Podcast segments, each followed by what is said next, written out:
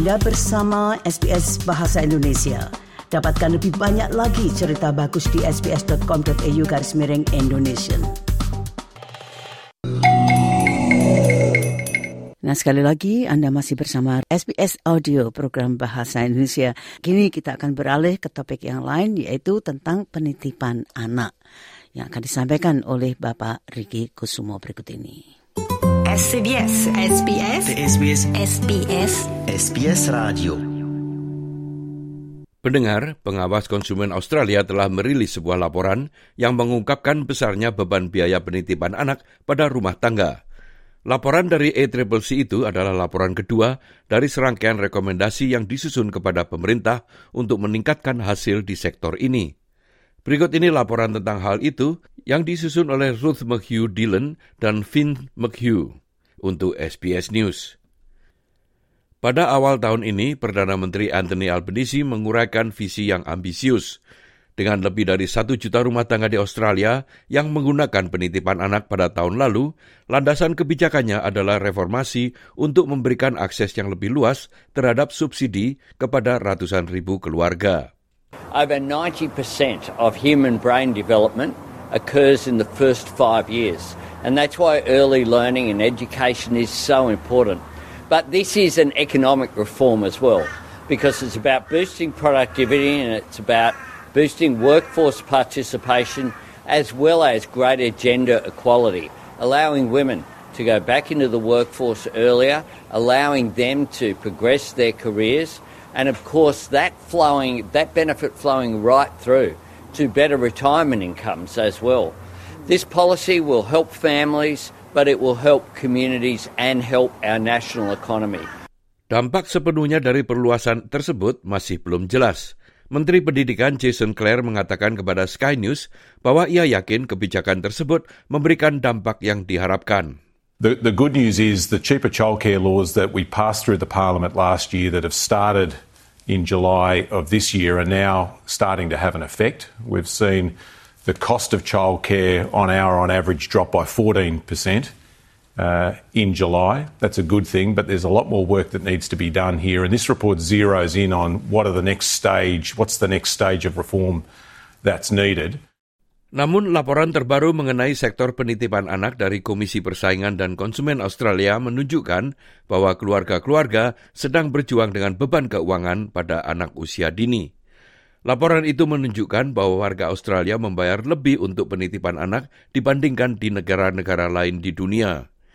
ACCC mengatakan rata-rata rumah tangga di Australia dengan dua pendapatan dan dua anak dalam pengasuhan mengeluarkan sekitar 16 persen anggarannya untuk penitipan anak, jauh lebih tinggi dari pengeluaran rata-rata negara OECD yang sebesar 9 persen.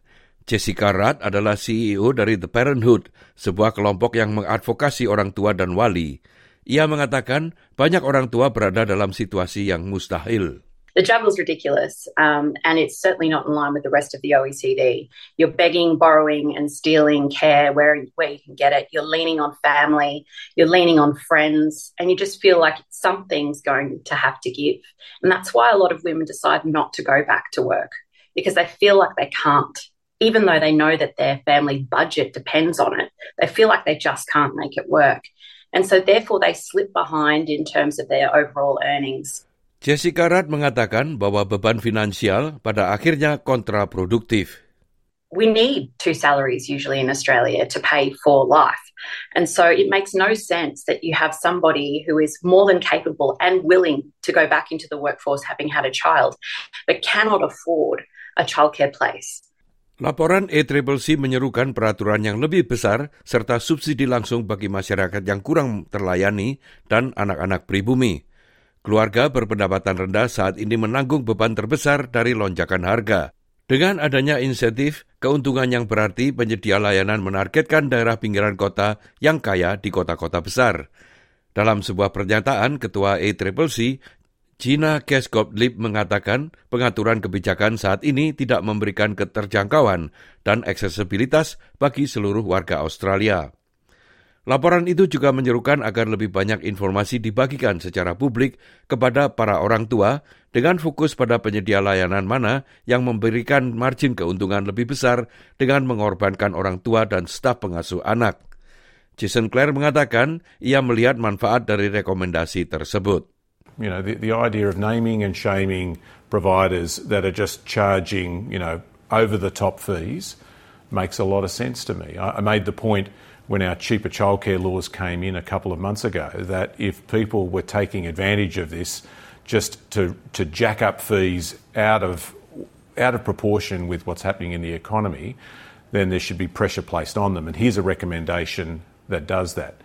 Misrat tidak setuju dengan menteri mengenai hal ini, namun ia mengatakan pemerintah perlu melihat gambaran yang lebih besar. What we want is holistic reform.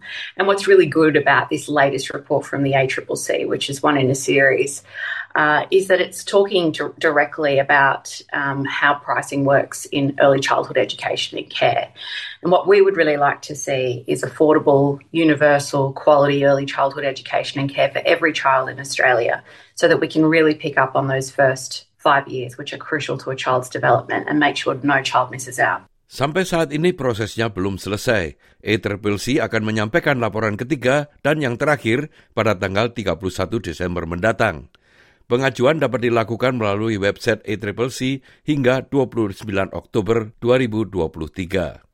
Nah pendengar itulah tadi sebuah laporan mengenai biaya penitipan anak di Australia yang disusun oleh Ruth McHugh Dillon dan Finn McHugh untuk SBS News dan disampaikan oleh Ricky Kusumo.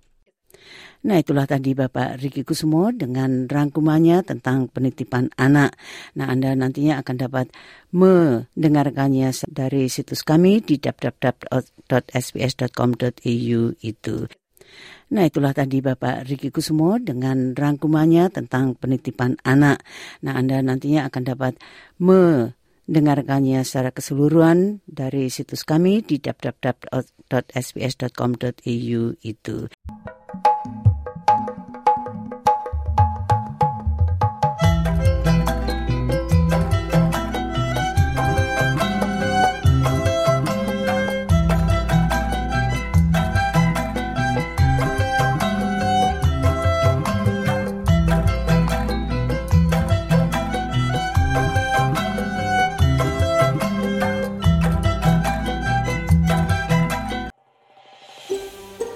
Anda ingin mendengar cerita-cerita seperti ini? Dengarkan di Apple Podcast, Google Podcast, Spotify, atau di mana pun Anda mendapatkan podcast Anda.